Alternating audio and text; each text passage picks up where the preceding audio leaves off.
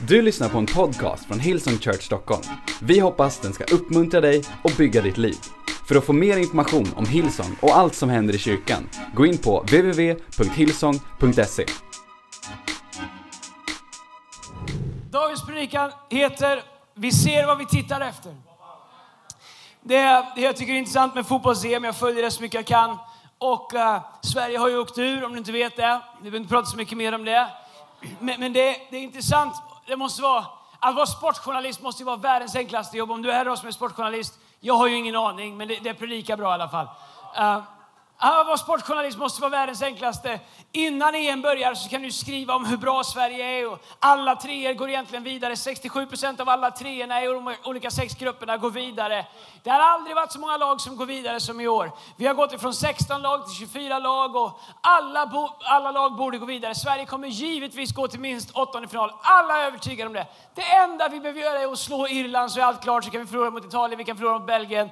Och sen så händer det som inte får hända. Vi får inte ett ett skott på mål på två matcher. Alltså det var en fransos som på tio minuter idag i första halvlek mot, eh, eh vilka spelare, eh, eh Nord, mot Irland. Han sköt själv på tio minuter mer skott på mål än hela landslaget inklusive avbytare gjorde på hela turneringen. Och nu skriver ju alla det uppenbara. Ja, det var det här vi visste. Sverige har inget lag. Vi har ju inget försvar. Vi har ju inget... Nu är det bara att ändra sig. Det är ju hur lätt som helst. Ingen håller dem accountable. Om jag säger någonting, det går på poddar och grejer och folk håller mig accountable. Man är sportjournalist, man kan bara säga precis vad man vill. Och det är sant. Därför att vi ser vad vi tittar efter. Innan EM så tittar vi efter nya liksom USA 94. Micke Lustig, eh, Micke Lustig är en bra högerback, eller vilken back han nu är. Han backar ur VM efter första tio minuterna. Och, och men sen så inser man att han var kanske inte så himla bra egentligen är för att vi ser vad vi vill se. Så är det i livet. Jag har sagt många gånger när vi köpte en bil som är Toyota Igo... Nu ska jag inte säga så mycket negativt om den för Tobias Gard har en sån. Men eh, det är väl så nära bil man kan komma utan att det är en bil. Eh, det är väl, kan man väl säga. Det är snäppet över gokart, eh, eh med skal. Och vi skulle få vårt andra barn och jag sa till Ulf, eh, min eh, Toyota-kran som jag har, min Toyota-handlare, han är grym, han eh, har hjälpt, har hjälpt oss med bilar, så vi behöver en andra bil. Han sa absolut, jag har en bil för dig. Den heter Toyota Aygo. Jag bara, vad hette den sa du? Aygo. Det finns ingen bil som heter Aygo. Det finns ingen människa som någonsin har döpt en bil till Aygo. Jo, jo, jo, de är överallt. Helt jag har aldrig sett en Aygo. Vad är det för någonting? Det är som en symaskin, en eh, köksberedare, vad som helst. Men inte det. Typ en köksberedare med fyra hjul. Men, men han Alltså, men det, passar, det blir jättebra. Jag har en sån till dig. Den är svart. Den kan du, den kan du ta. Den får du köpa Den kan du. Och jag, jag köpte den på telefon och tänkte att jag skulle åka ner och hämta Egon. Jag kommer inte ihåg om någon körde upp mig åt den. Undrar om Matte Rindefors körde upp den åt mig. Ja. Matte, han kommer, han, jag kör den här bilen. Matte, så, han är ju ganska liksom, eh, vältränad matte. Det såg ut som han höll bilen under armen när han kom. Den är inte så stor den här Egon. Aldrig sett en sån bil innan. 14 tums däck. Eh, om du varvar upp den ordentligt så kan du komma upp eh, i liksom hastigheter som åtminstone är tvåsiffriga. Den är lite sådär att vid, vi, vi, vi, vi 50 så skakar ratten, vid 70 skakar knäna och vid 90 skakar tänderna. Det, det, det, är så här, det är som en massage att köra den här bilen. Jag hade aldrig sett den här Ygon. Jag försökte googla och se hur sina den Ygon ut. Jag hade aldrig sett den här Så kom den här Ygon och jag började åka runt den. Den var rätt skön faktiskt. Jag, måste erkänna, jag gillar den där Ygon. Daniel Webb lånade Ygon. Han tyckte också den var rätt skön sådär. Det var kanske en av de coolare bilarna han har kört. Och, äh, den där 1,0 liters motorn som satt där i. Och, och så såg jag helt plötsligt när jag började köra Hela Stockholm är full av Ygos. Nej, men det är Ygos överallt. Alla har Aygos. Jag kan inte ens säga Jag vet inte om man säger Aigo eller Aygo. Jag kan fortfarande inte säga det. Jag har aldrig åkt runt på stan och funderat på vilka som åkte Aigo. Nu när jag hade en Aigo så hade alla andra Aigos också. Alla körde Aigo. Därför att det var första gången jag tittade efter den. Jag inser att i livet så ser vi vad vi tittar efter. Du kan vända dig om och titta på alla vänner som du inte har och säga jag har inga vänner. Du kan vända dig om och titta att du, och kanske hitta en vän och säga jag har vänner. I livet så kommer du se vad du tittar efter. Bibeln säger så här, första Korinthierbrevet kapitel 2, vers 9, ett bibelord vi har läst väldigt mycket här. sista tiden. Står så här, men vi känner som skriften säger, vad ögat inte har sett, vad örat inte har hört, vad människohjärtat inte har kunnat ana, vad, har Gud, vad Gud har berett och de som älskar honom. Talar om att det finns någonting att se som vårt öga inte har sett. Exakt vad som hände med mig och Egon. Jag såg, jag inser, jag har ju sett dem här. Men jag har liksom inte sett dem. Förstår ni? Vi kan se massa saker, ändå inte se det.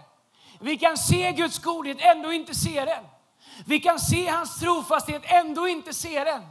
Vi kan se Guds vägledning, ändå inte se den. Vi tror att det var slumpen. Vi tror att det var den som kände den, som kände den, som ringde den, som gjorde att jag fick ett jobb. Och så ser vi inte Guds nåd, hans löften, fast vi ser det. Därför att vi ser vad vi tittar efter. Om du vill börja se Gud så måste du ändra sättet du tittar på. Därför att Gud han gör saker i ditt liv varje dag. Men jag undrar hur mycket av det Gud gör som vi ser.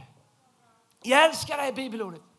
Men hur ska vi kunna se det ingen annan har sett? Och hur ska vi kunna se det vi tidigare inte har sett? Och jag tänkte hoppa rakt in i lite punkter. Eh, jag har tre punkter och det är mitt absoluta commitment att komma igenom dem idag. Eh, och gör jag inte det så tar jag dem nästa vecka. Åtminstone en. Och tre saker som påverkar vad vi ser. Det blir lite bibelskola här idag. All right? Så eh, jag ändå har lite punkter som jag tar med er, men jag vill inte så bara fläka ut det nu och, och, och, och, skrika, utan jag vill verkligen att du ska få med dig någonting. Upp så Eftersom det inte ser ut som så många skriver så är det väl skitsamma. Men, forskare säger bara att vi glömmer 90 av allt vi hör inom 10 minuter, men det är, I don't know.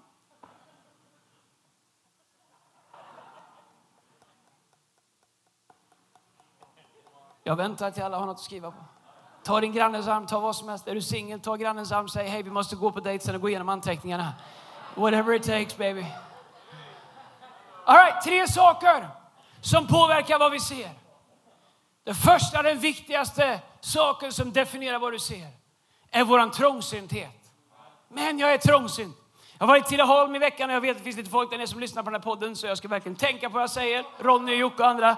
Eh, Henry. Och, uh, men det bara är någonting när man är där som gör att hela världen känns lite ganska mycket mindre. Jag älskar att vara där, det är inte det. Det är bara det att jag kommer ihåg när jag bodde där och jag hade ingen aning om hur världen såg ut. Jag trodde att världen var som den var innanför 50-skyltarna. Där, där, där liksom innerstadsgränsen, jag trodde att det var så det var. Kommer ihåg när jag var 18 år och kom till USA första gången och mina ögon öppnades. Alltså jag var, jag var hög, jag var inte hög, jag var som hög. Jag var helt, jag kommer ihåg, allt var helt, jag bara, att det finns sådana här saker. Bilar jag aldrig hade sett innan som nu vet jag, det är ju som våra Volvos. Men du vet så här, Ford Crown Victoria, det är liksom bara, man satte sig i den, och gungade ju som en hängmatta, det är inget att åka i. Men det var en amerikanare, det var soffa överallt, allt var diners som man har sett på, på, på liksom, eh, olika filmer och, och, och, och, saker man kunde beställa. Och, och så, jag, hela mitt inre var bara helt, jag bara, mina ögon exploderade. Jag älskar att USA sen dess. Du får tycka vad du vill om USA. Jag fattar att allt inte är bra där, men jag älskar USA.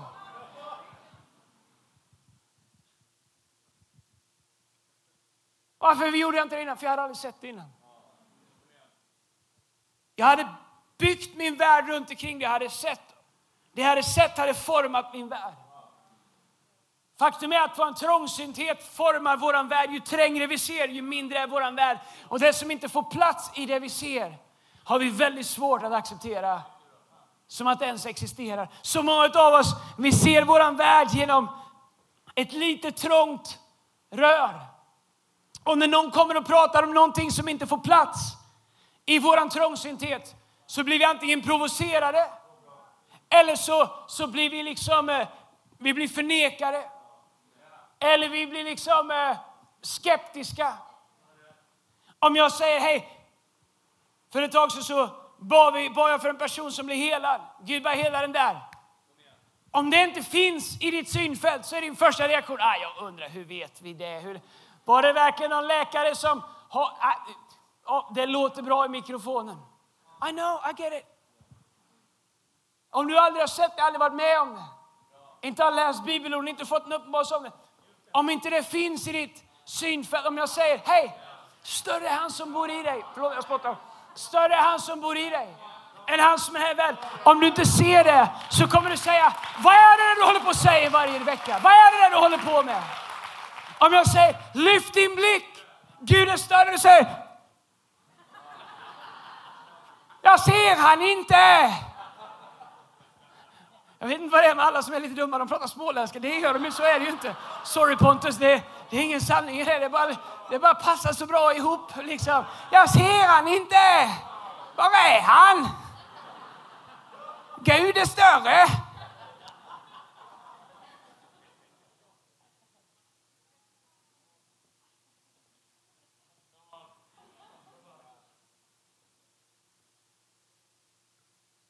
Ärtsoppa första torsdagen i mars. Massipantårta! Ha? come on! Ska vi en egen mikrofon? Jag borde ha en sidekick här uppe. Så kan vi driva med småländska. Det kan vi ta en hel Det tycker jag vi, det kan vi väl ha som tema några veckor. Kan vi inte det Erik? Ni som gör alla de här filmerna, kan inte göra det? Okej, okay, vi går vidare. Jag inser att vår trångsynthet definierar vad vi ser. Så utmaningen är inte om Gud är mäktig att göra saker. Utmaningen är vad vi ska göra för att kunna se allting. David säger, jag lyfter min blick mot höjden, mot bergen. Min hjälp kommer ifrån honom. Han säger att jag ser det inte här, så jag lyfter min blick. Han säger inte, jag ser det inte här, så det finns inte. Han säger, jag ser det inte här, så jag lyfter min blick. Vår trångsynthet definierar vem Gud blir i våra liv. En del människor drar ner, alltid ner Gud och omgivningen och framtiden och sig själva till det absoluta minimum. Allt liksom som, som bara får plats inom våran. Och ju trängre du ser, ju mindre får plats. Faktum är att allt som lämnats åt sig själv kommer alltid krympa ner till ett minimum. Min tro, om jag inte underhåller den, den är precis som, eh, som, som muskler i övrigt är. Om jag inte tränar den, om jag inte underhåller den så krymper den tillbaks. Tro är aldrig statisk, tro är precis som våra kroppar. Tro är expanderande eller så är det declining, eller så är det förminskande, förminskas eller expanderas. Beroende på vad vi gör med vår tro. Allt som lämnats åt sig själv, det är liksom en naturlag. Allt som lämnas åt sig själv börjar sakta att dö ut. Och då är det så ibland för att få plats med saker och ting i våra trånga perspektiv. Så är det som att vi ibland säger, det där är för bra för att vara sant. Jag, det där kan jag inte ta, med, ta till mig. Och så låter vi det där börja nedmonteras. Så skalar vi bort saker av Gud i, i, i sanningen och väntar till att det är så lite kvar så att det får plats i vårt synfält och säger jag vill inte vara som de där fanatikerna som håller på och säger de stora sakerna. Jag är bara, jag är en tvivlare som inte, ja, jag säger bara som det är. Jag säger bara det jag ser. Problemet är inte att, att, problemet är att du tittar genom ett så trångt... En del har liksom som ett sugrör om sitt Jag säger bara sanningen. Well, det är din sanning genom ditt trånga sugrör. För andra människor som har liksom tagit bort det här och, och, och tittar säger well, bara för att det är allt du ser i ditt sugrör betyder inte att det är allt som finns. Tänk om du som har känt Gud ett tag skulle våga utmana dig själv och säga Gud, hjälp mig att ta bort mina, mina, mina kikare, mina toarullar, mina sugrör. Säg Gud, om det är någonting som ger mig skygglappar så att jag inte ser allt vad du är. Hjälp mig att identifiera dem så jag kan ta bort dem så att jag kan se dig som jag verkligen är. Jobb han säger det efter han har gått igenom alla vedermödor. Han har gått igenom alla helveten som finns. Han har förlorat allt. Han har tvivlat på sin relation med Gud. Vännerna säger, vart är nu din Gud? Vart är han som skulle hjälpa dig? Hur kan du ens tro? Hur kan du lovsjunga? Det de säger är, montera ner din Guds bild så att den passar dina omständigheter. Efter att han har gått igenom allting och fått ett nytt möte med Gud och sett Guds trofasthet så säger han i Jobb 42, vers 5 tror jag att det är. Endast hörsägner hade jag hört om dig. Men nu har jag sett dig med egna ögon. Vilka områden skulle du behöva utmana dig själv? Att säga till Gud, Gud låt mig se dig utan skygglappar.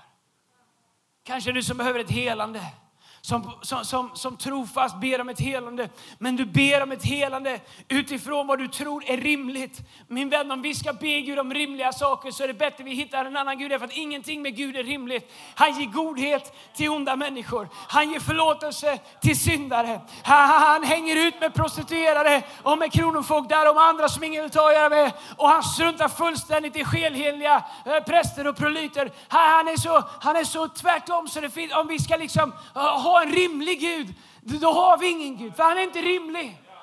Han är i allra högsta grad orimlig. Det är därför som, som vår rimlighet så lätt lägger skygglappar på saker och ting. När vi söker Gud säger, den som söker mig ska finna mig. Absolut, du säger jag söker Gud. Men om jag söker Gud med ett begränsat perspektiv av vem Gud är, så söker jag inte Gud. Då söker jag bara en del av Gud som jag tror är allt som finns. Så jag söker inte Gud. Det är som om du säger, har du träffat Andreas? Nej, men jag träffar hans fot.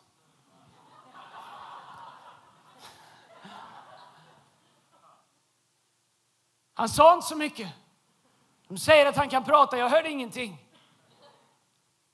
Förstår du, om du vill uppleva Gud måste du komma till en plats där du är villig och vågar säga Gud, hjälp mig att ta bort mina skygglappar så jag kan se. Våra ögon, dina ögon kommer aldrig se vidare än vad ditt hjärta är öppet.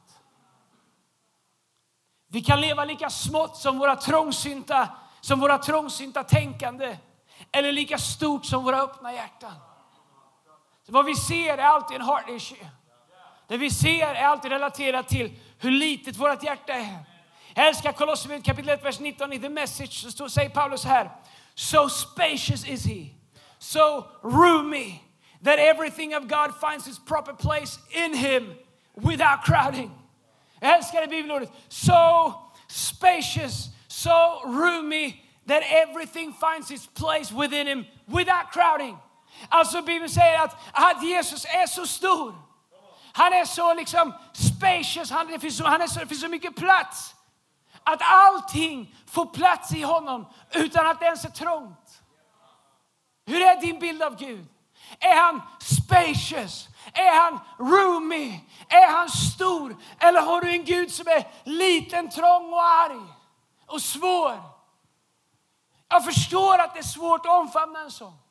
Men tänk om du skulle säga Gud, jag vill se dig som den där guden som är spacious, som är roomy, som är så öppen och så vid och så tillgänglig. Men jag ber att du skulle uppgradera din gudsbild.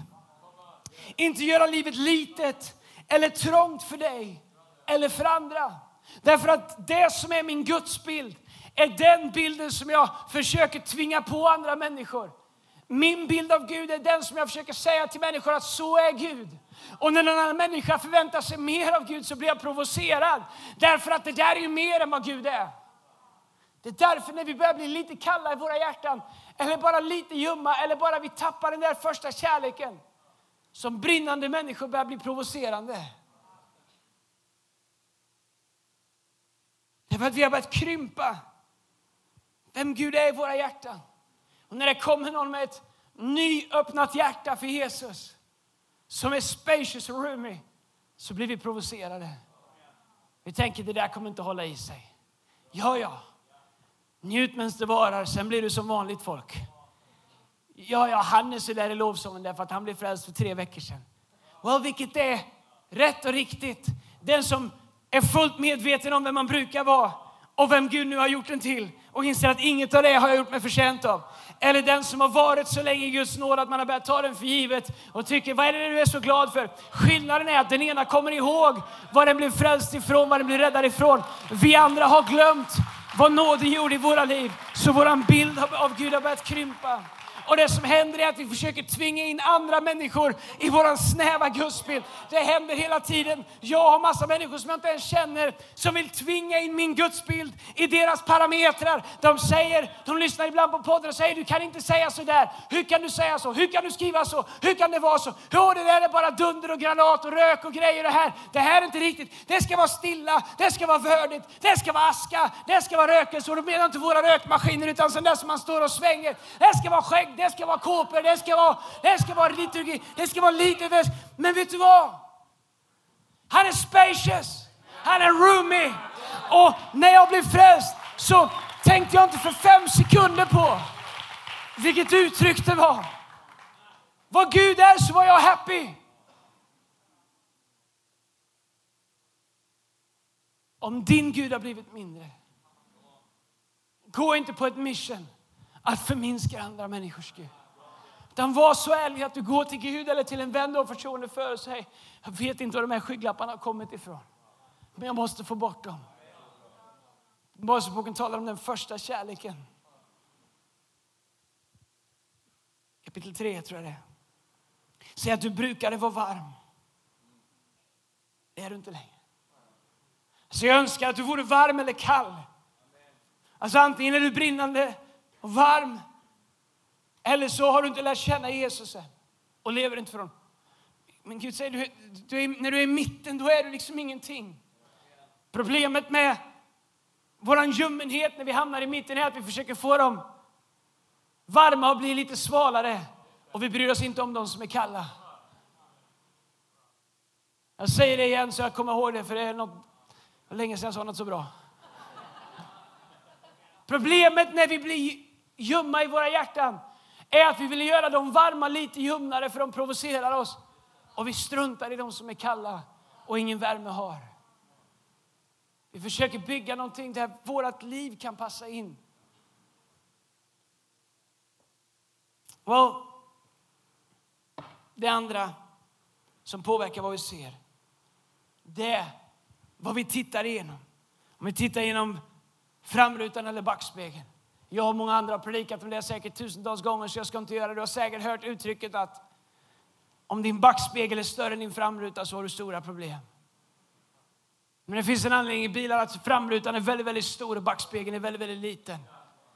Därför tanken är att vi ska spendera majoriteten av tiden att titta framåt. Problemet är när du lever ditt liv och tittar i backspegeln och tittar på allt som har varit att du kommer hela tiden krocka. En del människor som hela tiden lever i sitt förflutna, de frågar Gud, Gud varför går jag från dike till dike? Gud varför krockar jag i livet hela tiden? Well människa, om du släppte backspegeln med blicken lite grann och bestämde dig för att titta framåt och låta det som har varit vara och låta det Gud vill göra vara ditt fokus så skulle du hålla dig på vägen mycket mer.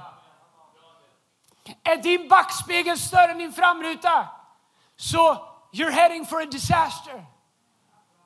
Det är därför Paulus säger jag glömmer det som har varit och jag sträcker mig efter det som ligger framför. Ändå kan han lite nu och då slänga ett öga i backspegeln för att påminna sig själv om Guds godhet. Han säger, jag som var den värsta syndaren av alla, jag som inte var värdig, mig har Gud genom, Gud genom sin oför, oför, oförundliga, eller förundliga nåd utvalt till att vara hans tjänare. Så han slänger en blick i backspegeln för att påminna sig själv om allt vad Gud har gjort.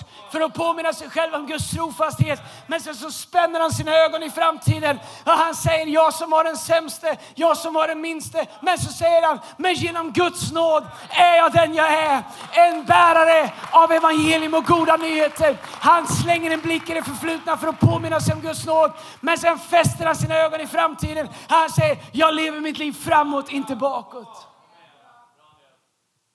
Vad du ser definieras av om du tittar genom framrutan eller backspegeln. Så mycket av de böner du väntar på att Gud ska svara på skulle bli besvarade i det ögonblicket du tittade bort från backspegeln.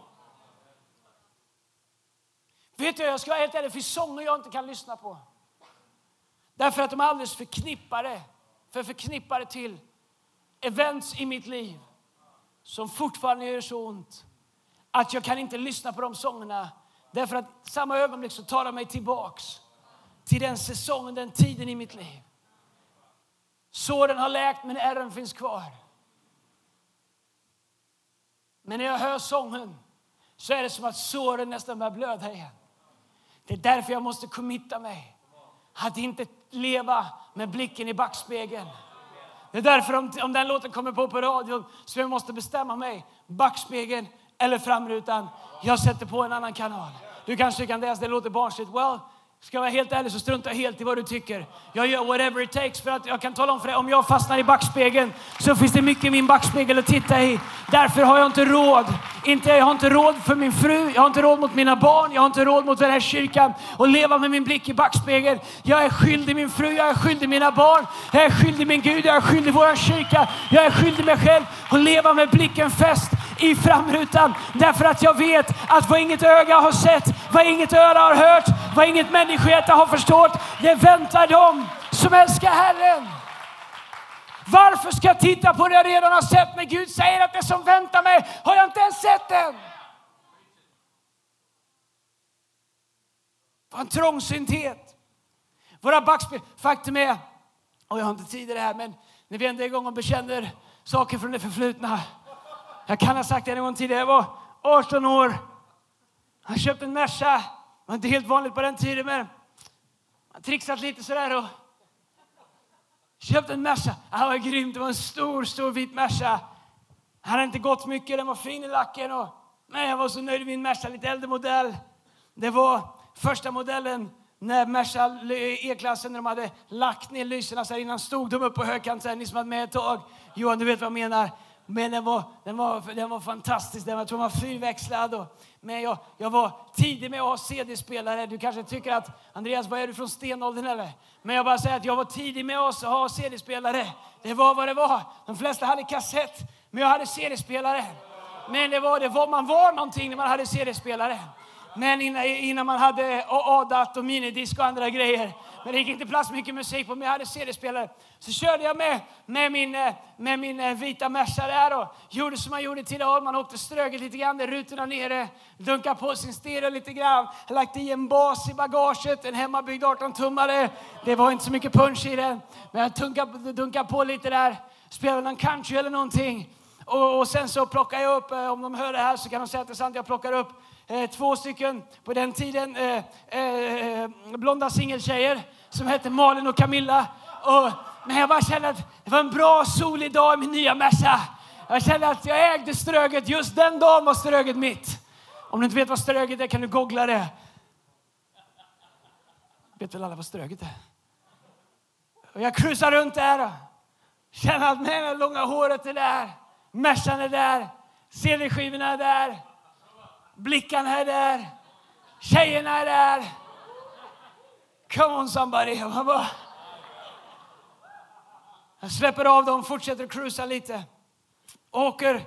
På den tiden så det var inte så elektriska säten, man fick nästan gå ur liksom och veva ner sätena. Men grejen var att man skulle ligga så lågt nedlutad så att man precis bara nådde fram till längst ner på ratten så här. Tittar man åt sidan så skulle man se bakom. Man skulle se ut genom bakrutan, liksom passagerare, inte framåt. Du skulle ha bra, liksom bra, bra liksom häng i, i ryggen.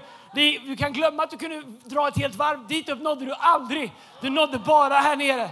Det fanns bilar som jag satte traktorknopp på så att man skulle kunna hålla riktigt bra här nere.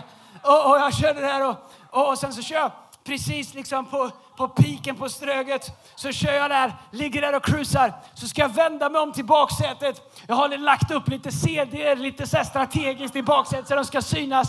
Inte bara en, en, i bilen utan det ska ligga lite skivor där också om någon tittar. Oj, han har CD-skivor där. Wow, han wow, han har, han har CD-skivor. Nilsen har CD-skivor. Nilsen har CD-skivor. Klart CD-skivor, har inte du det? Du har kassett? Ja, ja, nej men det är okej, det är bra. Det är bra. Har du spelat in tracks på den kassetten eller hur har du det? Jag, jag kan byta låtar när jag vill här. Jag behöver inte ens spola. Det är bara ett klick så är det nästa låt. Back to the future baby. Och så kör jag cruisar och jag ligger så långt ner så jag har lagt CD-skivorna så jag ska kunna nå dem i baksätet. Och precis när jag sträckt mig ända bak i baksätet i den här stora, stora E-klassmärsan så går det förbi en så sjukt snygg, Lina inte här idag, en så sjukt snygg tjej. Men hon var snygg! Men ni tittar på mig som att det inte finns snygga tjejer. Jag är 18 år, jag har långt hår, jag har Merca, jag har CD-spelare, det är soligt, jag har rutorna nere. She was hot! Jag ser att en del tittar argt på mig, men jag, jag, jag pratar om backspegeln. Okej, okay, jag bara backspegeln ett litet ögonblick. Vi är på väg till framrutan snart igen, så bara håll i det så kommer vi till framrutan nästa gång. Och jag, jag vänder mig om och hon, den här tjejen står på min vänstra sida. Jag är liksom här nere och försöker få tag i i sedera. Samtidigt ska jag titta på henne, försöka få lite ögonkontakt. Och jag hinner precis få lite ögonkontakt genom passagerarrutan i baksätet där liksom ut. När jag kör rakt in i en gammal Passat framför mig. Mitt på ströget, flyttar hela motorn 13 centimeter mot förarhytten. Och, och jag liksom hinner titta på henne och hon står där. Bara så här. Och bara... Och jag bara... All min mojo är borta. Allt, det var, jag är sån loser. Jag, bara gick, jag gick från peak till botten. Varför? För jag tittade inte genom framrutan. För att jag tittade på allt annat än framrutan. Ibland träffar man människor, det känns som de är, enda gången de är på vägen är när de är på väg mellan dikena. Är de uppe liksom på bra väg någon gång så är det liksom när de genar från ena diket till andra diket. Det känns som de har en så stående tid med en hela tiden. Liksom. Man tänker, varför tittar du inte bara framåt? Varför struntar du inte bara i det som har varit? Varför försöker du åka framåt medan du har din blick fäst i backspegeln? Varför låter du backspegeln provocera dig? Varför låter du rösterna som bara syns i backspegeln provocera dig? Varför, varför låter du minnena tala till dig? Varför låter du dina tidigare misslyckanden tala till dig? När Gud är i framrutan. När han säger att han har så mycket mer för dig, att hans tankar för dig är mycket högre än vad himlen är för jorden. Att han säger att innan han ens skapar dig så har han skapat så mycket som ligger framför dig som bara går att se i framrutan. Titta inte i backspegeln. kommer inte se någonting där medan det, medan, mer än det som Gud jobbar övertid för att få dig att släppa taget om. Du kommer aldrig kunna backa in i framtiden. Jesus han säger i Lukas kapitel 9, vers 62, så säger han, om den som spelar keyboard, du kan bara hålla dig lugn, jag säger till när det är din tur. Ja, ja, bara ta lite tid här nu. Um, tack Fia. Um, du kan få ta en kopp kaffe till där, eller vad du gör. Lukas 9, 62 så står det så här. Jesus svarar, lyssna, kom on. Titta framåt. Jesus svarar, den som sätter handen till plogen och sen blickar bakåt passar inte för Guds rike. Vad betyder det? Well, låt mig ge den världsliga betydelsen av den. Har du plöjt någon gång? Ja, jag har plöjt. Du måste fåren gå i linje så här. Jag vet att en del tittar på mig nu som inte vet vad plöjt är. Okej, okay, jag har plöjt, jag har plöjt, jag har plöjt, det är vad det är. Jag har plöjt, okej? Okay? Jag är från landet, get over it. okej? Okay. Om du har sett, ni vet de här, alla stockholmare, ni vet när du inte åker på vägen, när du kommer liksom utanför Kung Barkarby där, köpcentret där, outleten. Så kör du bara lite, lite till genom rondellen mot Enköping eller någonting där. Så bara åker ett par kilometer till. Så finns den där stora öppna, ser ut som stora gräsmattor. Det finns inga hus, ingenting där. Det bara ser ut som det växer massa saker väldigt, väldigt jämnt där. En del är lite mer så här beiga, det kallas för vete. Sen finns det lite mer gröna saker, det kan bli ensilage, det kan bli hösä, det kan bli olika saker. Och, men för att det ska växa så måste man så någonting och då, då plöjer man det först. De här fåren du har sett kanske på våren, det ser ut som någon har gjort långa ränder i marken sådär. Det är att plöja. Ah, trodde du inte du skulle lära dig när du kom till kyrkan? Hillsong. Vad har du lärt dig på Hillsong? Jag har lärt mig att plöja. wow, vi är inte så coola som folk tror. Men om jag sätter mig i traktorn och börjar köra lite på feeling, liksom, sätter på James Brown och börjar åka åt alla håll. Good God! Och börjar köra lite vart jag vill. I feel good! I know that I would not. Happy! Uh. Eh. Och sen så kommer han som ska köra och så. Han som kommer traktorn, han ska så. Han åker liksom hur full har den här killen varit egentligen? Han måste göra bra rader. Och tricket för att inte drifta är att ha stenkoll på den yttersta raden i plöjningen så att du följer den linjen. Om du plöjer och tittar bakåt så kommer du börja dra åt det hållet som du tittar. Jesus säger, den som vill följa mig, han måste sätta handen till plogen och inte titta sig om. Därför att då kommer han börja drifta. En sån person är inte skickliggjord. Du är inte redo, du är inte liksom, det kommer aldrig funka för dig. Han säger du måste titta framåt. All right det sista. Vad som påverkar vad vi ser. Kanske mer än någonting, det som påverkar det vi ser, är de vi lyssnar på. I en tid där alla har rätt till en åsikt, även om de inte har en, så påverkas vi väldigt mycket av vad vi lyssnar på. Ord har så mycket makt. Jag kanske borde predika en söndag, jag känns som jag säger någonting om det varje söndag, men om du förstod vilken kraft orden har. Vi tror att ord bara är ord. Du kanske säger saker när du är arg och säger jag sa bara det för att jag var arg. Vet du att det finns inga ord som inte är skapande? Jag försöker lära mina döttrar det. jag säger till dem, kom och säg saker om er själva som är i linje med den Gud har skapat dig till att vara. Och, och, vi satt, jag vet inte om de kommer att höra det, men vi satt vid lunchen idag och Eve och Lina och jag och mina döttrar och Fanny några. Och min äldsta dotter kan vara lite hård mot sig själv ibland. Hon har väldigt höga krav på sig själv. Och så sa hon någonting bra om sig själv. Och så säger hon, jag har bestämt mig för att inte vara så hård mot mig själv eller inte vara liksom så kritisk mot mig själv. Därför att då säger jag att Gud har skapat något dåligt. Jag bara tänker, äntligen det tagit tio år. Tack gode Gud för att någonting har gått in. Hon har inte hört något annat jag har sagt. om att städa rummet och fixa saker. Men jag städar gärna hennes rum resten av livet. Om hon bara förstår den saken att vad jag säger spelar roll. Du måste förstå att ord håller en sån oerhörd makt. När allt var öde och tomt så gick inte Gud upp på scenen en dag och tog sitt trollspö, gjorde en, liksom en slabbadabb eller en shakabahaja och vevade med sitt spö. Och så kom jorden. Nej, han talade till det som inte fanns. In i ingenting sa han, var det ljus. Helt plötsligt det som inte var någonting blev någonting. Det blev ljus. Helt plötsligt så, så fanns det inget. Han sa land skilj dig från hav. Helt plötsligt så uppstod skillnad mellan land och hav. Helt plötsligt så, så, så skapar han en människa och så andas han in i Adams näsborre så Adam kommer till liv. Vet du vad? När Gud talar, när Jesus hänger på korset, när han säger det är fullbordat så brister förlåten. Förlåten var ett tyg som hängde i templet. Innanför där fanns Guds närvaro. Man tror att det tyget var 6 inches tjockt. Vad är det? 18-20 centimeter? 6 inches, Mackan? Mm, vad är det? 18 centimeter. 18 centimeter, ett vävt i ett helt stycke. Förlåten var liksom ingen gardin som man gick och drog upp. Så här. Ett helt tygstycke, gigantiskt. Man tror att det var kanske upp mot 18-20 centimeter tjockt, vävt utan söm.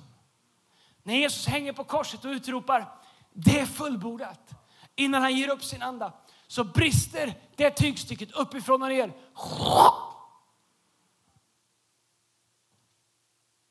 Helt plötsligt så är Guds närvaro tillgänglig för hela mänskligheten. När brast förlåten? När Jesus sa det är fullbordat. Jesus säger människan ska inte leva av bröd endast utan av varje ord som utgår från Guds mun. Det du säger om dig själv skapar någonting inom dig. Det du säger till andra skapar någonting hos dem. Ni vet att jag, jag känner ibland att jag håller på att hacka på sociala medier och bloggar och, och inte minst kanske kristna ibland. Jag är inte så arg som jag låter. Men om du undrar var det kommer ifrån så kommer det ifrån, ja, det finns massa bra bloggar också. Jag läser inga så jag vet inte men jag tror att det finns några bra. Men jag läser bara de som, de bloggarna läser är alltid negativa och det är alltid välmenande människor som säger Andreas, kolla här vad de skriver om det, så mejlar de skiten till mig. Jag hade ju levt lycklig, jag hade aldrig vetat om det. Så mejla inga bloggar. Jag tror att jag lever liksom i illusionen att alla tycker om mig. Och alla tycker att det, så, men min, grepp, min, min hang-up med det här, det är att vi tror att vi kan sitta bakom ett tangentbord eller bakom en telefon och bara säga saker. Att, och att det bara är ord. Medan Bibeln säger att ord är bärare av det det sänds ut. Bibeln säger att Guds ord kommer aldrig återvända fåfängt. På samma sätt, våra ord skapar. När Jesus stod inför Lazarus så säger han Lazarus, come out, come forth. I King James översättning. King James, om den dög till Paulus så duger den till oss. All right? Men När du, när, du, när du står i spegeln. Fia, nu kan du komma upp. Jag håller på att spåra ur här. Fia, kom, kom upp. När du står framför spegeln och du säger till dig själv, även om du inte säger det med munnen, men du säger det här inne. Det här är inte bra. Jag är inte vacker. Jag är inte värdefull. När du har fått nej från det tionde jobbet du har sökt och du säger till dig själv, jag kommer aldrig få ett jobb, jag är loser, ingen vill ha mig mänskligt sett så kan jag förstå var du kommer ifrån. Jag har varit där också. Men jag skulle också vilja säga till dig att då det finns stora chanser att du profeterar din egen framtid in i verklighet. Därför så säger Bibeln att vi ska förnya vårt sinne. Tvätta våra tankar. Se vad pajar min frissa, den tar en stund att fixa. Ta inga kort nu och lägg ut på Facebook. På era bloggar. Hej. Vad jag inte gör för att få fram en poäng som kan hjälpa dig. Säg inte att jag inte bryr mig. Här står jag som ett pucko inför dig. Hade jag varit näck så hade det varit värre, men annars finns det inget värre som kunde hända just nu. Jag leker inte med min frisyr kan jag säga i alla fall. Därför säger Bibeln att vi ska tvätta våra tankar genom Guds ord. Hej, inga kort sa jag! Därför säger Bibeln att vi ska tvätta våra tankar genom Guds ord. Jag brukar säga till mig själv, jag är vad Guds ord säger att jag är. Jag har vad Guds ord säger att jag har. Jag kan göra vad Guds ord säger att jag kan göra. Kolla, jag har en egen spegel. Jag ska klippa mig på tisdag, det börjar bli långt här. Bra där va?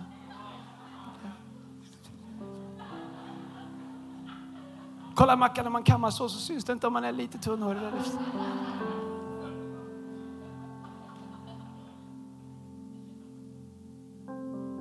Vart var vi?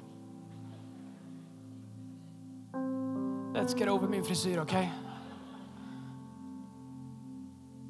Faktum är att dina tankar styr din framtid. Dina tankar styr ditt tal, din tal styr din framtid. Därför är jag väldigt noga vem, som får, vem jag lyssnar på. Bibeln talar i Ordspråksboken om vems råd man ska söka. Bibeln säger umgås med visa så blir du vis. Jag säger älska alla, älska din nästa som dig själv. Men det står inte umgås med allihopa jämt. Det finns säsonger i livet när man, jag säger vet du vad, I love you men jag kan inte ha det i mitt liv just nu. Jag, jag, jag, jag, har burit dig länge men jag går in i en säsong där jag, jag kan faktiskt inte bära dig längre. Antingen så får du lära dig att stå eller så får du vänta här till jag, till jag kan bära dig. För den säsong jag är i nu, jag kan inte bära dig just nu. Du säger Andreas, det låter jättehårt. Nej, det låter inte hårt. Därför att om en blind leder en blind så hamnar båda i hålet. Vi vill säga älska din nästa. Det finns vissa människor som jag bara sagt Jesus, jag älskar dem, men jag är glad om jag inte behöver se dem för i himlen och räkna med att du totalt har förvandlat dem. Love you on a distance.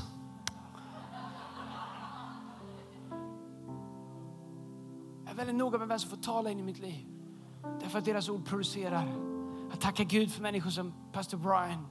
Tackar Gud för mina vänner som jag har, alla er i min kyrka.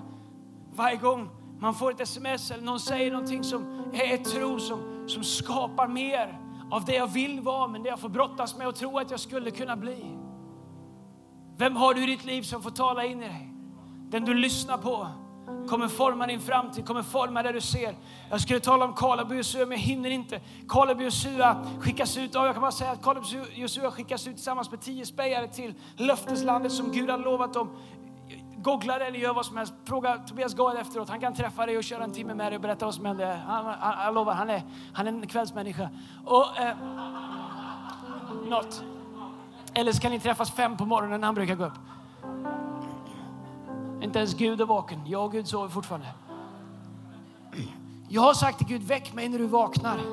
Det är fantastiskt hur länge Gud gillar att sova. Han gillar att vara uppe länge på kvällen och så gillar han att så här vakna långsamt. All right, låt oss landa. Ni fattar vad jag menar. Vi struntar i Karlebus. Låt oss inte komma upp. Vi struntar i det nu nu, nu jag vill be för dig. Jag vill inte skämta bort det här. Kom låt oss stå tillsammans. Eh, jag vill be för dig. Och jag har frågat Gud åt vilket håll jag ska gå just nu.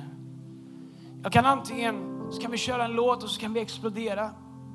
Och så kan vi eh, ha en fantastisk atmosfär. Men faktum är att det jag precis har predikat om nu är ingen känslomässigt tillstånd. Det är ett logiskt beslut som du bestämmer dig för. Inte för att vara, därför att det blir man inte på en dag. Men det är ett rationellt beslut som du fattar om vad som ska definiera ditt liv. Att bli av med sin trångsynthet är ett konkret, rationellt, logiskt beslut som man fattar även om man inte vet hur det ska gå till, där man bejakar Gud. Jag undrar om inte jag har skygglappar som du skulle behöva ta bort Gud. Hur gör vi det? Det är inte ett känslomässigt beslut där du, ja men det känns bra, det kör vi på. Därför att imorgon kommer du känna annorlunda. Men imorgon när du känner annorlunda så måste du ha någonting som får dig att stå fast i det faktum att du har fattat ett beslut att jag vill inte leva med skygglappar. Att inte leva sitt liv med blicken i backspegeln, det kan vi lösa liksom en atmosfär och bara säga kom on, titta framåt, your name is higher och så känns det bra.